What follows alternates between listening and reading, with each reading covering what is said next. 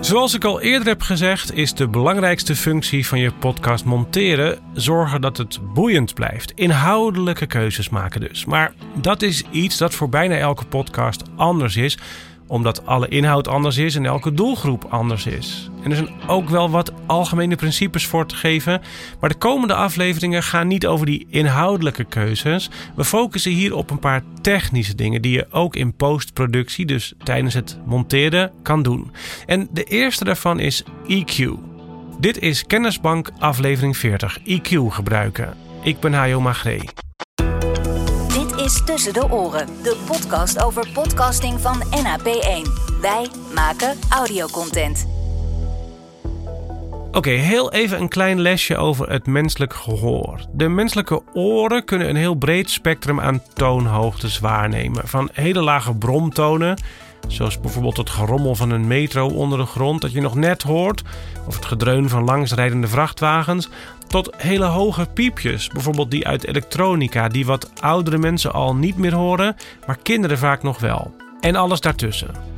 Over het algemeen gaan we ervan uit dat de gemiddelde mens toonhoogtes kan waarnemen van ongeveer 70, 80 hertz aan de lage kant tot ongeveer 20.000 hertz aan de hoge kant, aan het hoge uiteinde.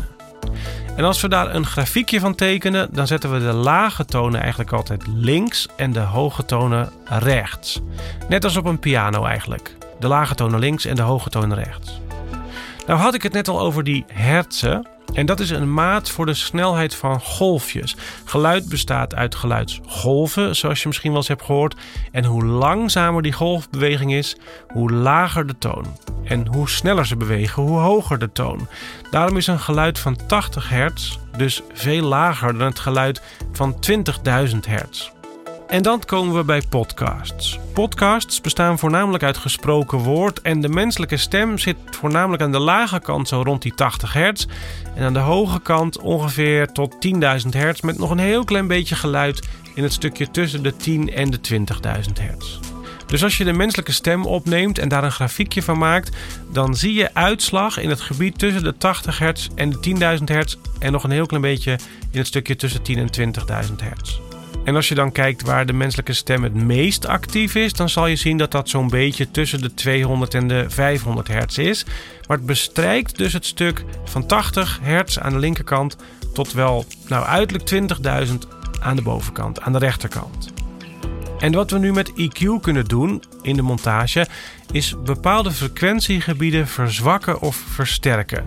We kunnen bijvoorbeeld het stukje rond 250 hertz iets verminderen of het stukje vanaf 6000 hertz iets versterken.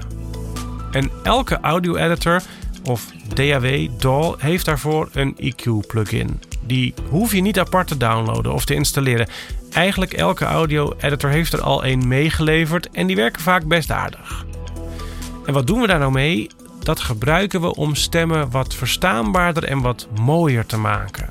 Als je een microfoon hebt met een mooie vlakke opnamekarakteristiek, en luister daarvoor ook nog even naar aflevering 24 trouwens, dan heb je de menselijke stem in je podcast dus ongeveer zo opgenomen als die van nature klinkt. Maar, en nou komt het gekke, als we dat precies zo afspelen, dan ervaren veel luisteraars het vaak als vrij dof.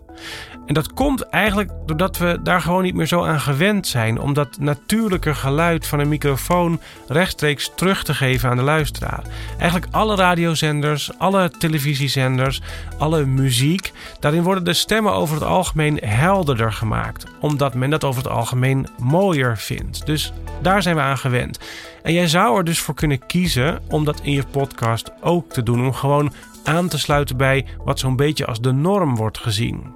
Maar, en dat moet ik er echt bij zeggen, dat zijn dus creatieve keuzes. Hè? Het is geen recept voor hoe het moet. Ik kan alleen een paar dingen geven die ik mooi vind en die ik meestal toepas.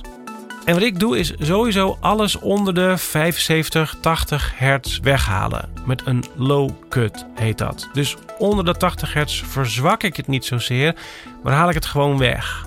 En dat doe ik ook met alles boven de 20.000 hertz met een high cut.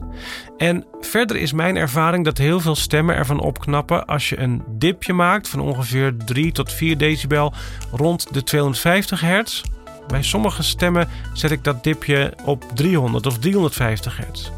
En veel stemmen winnen iets aan helderheid en verstaanbaarheid als je een kleine high shelf toepast vanaf 6 kHz, dus 6000 hertz. Dus alles vanaf 6000 hertz gooi ik dan 1 decibel omhoog of zoiets. Daar zou je eens mee kunnen beginnen en dan checken hoe je dat vindt klinken. Twee instinkers nog waar je rekening mee moet houden. De ene is dat je wel even moet checken hoe het dan klinkt op andere speakers, op andere koptelefoons. Want die zijn allemaal anders. Elke speaker waar je het op afluistert heeft weer een eigen frequentiekarakteristiek. Die boosten en verminderen weer eigen frequentiegedeeltes. En dat betekent dat wat goed klinkt op de ene speaker soms heel slecht kan klinken op de andere. Dus check het op je autospeakers, op de JBL-box, op de stereo in je woonkamer, op de speakers van je zus. En dan ga je vanzelf leren waar het gemiddelde ongeveer zit. En kun je zorgen dat je het op al die speakertjes goed laat klinken. En als je dit echt volgens de regels van de kunst wil doen, dan doe je dit in een gecontroleerde studio-omgeving en gebruik je speakers met een zo vlak mogelijke frequentiekarakteristiek of je gebruikt gecalibreerde koptelefoons. Zo werk ik, maar ik ben dan ook een echte audio-nerd. En de andere instinker, en daar heb ik zelf ook echt mee geworsteld, is dat je oren hier moe van worden. Er bestaat zoiets als oorvermoeidheid of ear fatigue. En wat dat met je doet is echt heel verneukeratief. Ik heb er geen beter woord voor. Na verloop van tijd gaat alles goed klinken. Je oren hebben namelijk de neiging zich aan te passen aan wat ze horen. Dus als je ergens het laag veel te ver omhoog geduwd hebt, dan gaan je oren op een goed moment denken: zo zal het wel horen. En dan maken ze dat normaal. En daarom is het ook belangrijk dit niet uren achter elkaar te doen. En niet te hard afluisteren bovendien, want hoe harder je afluistert, hoe eerder dit probleem optreedt. En belangrijk is ook dan, om dit te voorkomen, om het steeds te blijven vergelijken met referentiemateriaal. Dus een podcast waarvan jij vindt dat die eigenlijk op alle speakertjes wel goed klinkt, om die erbij te houden en steeds daarmee te blijven vergelijken. Om te checken dat je niet de totaal verkeerde afslag neemt. Dat was het. Je kunt de informatie uit deze aflevering ook terugvinden in de podcast Kennisbank op onze website.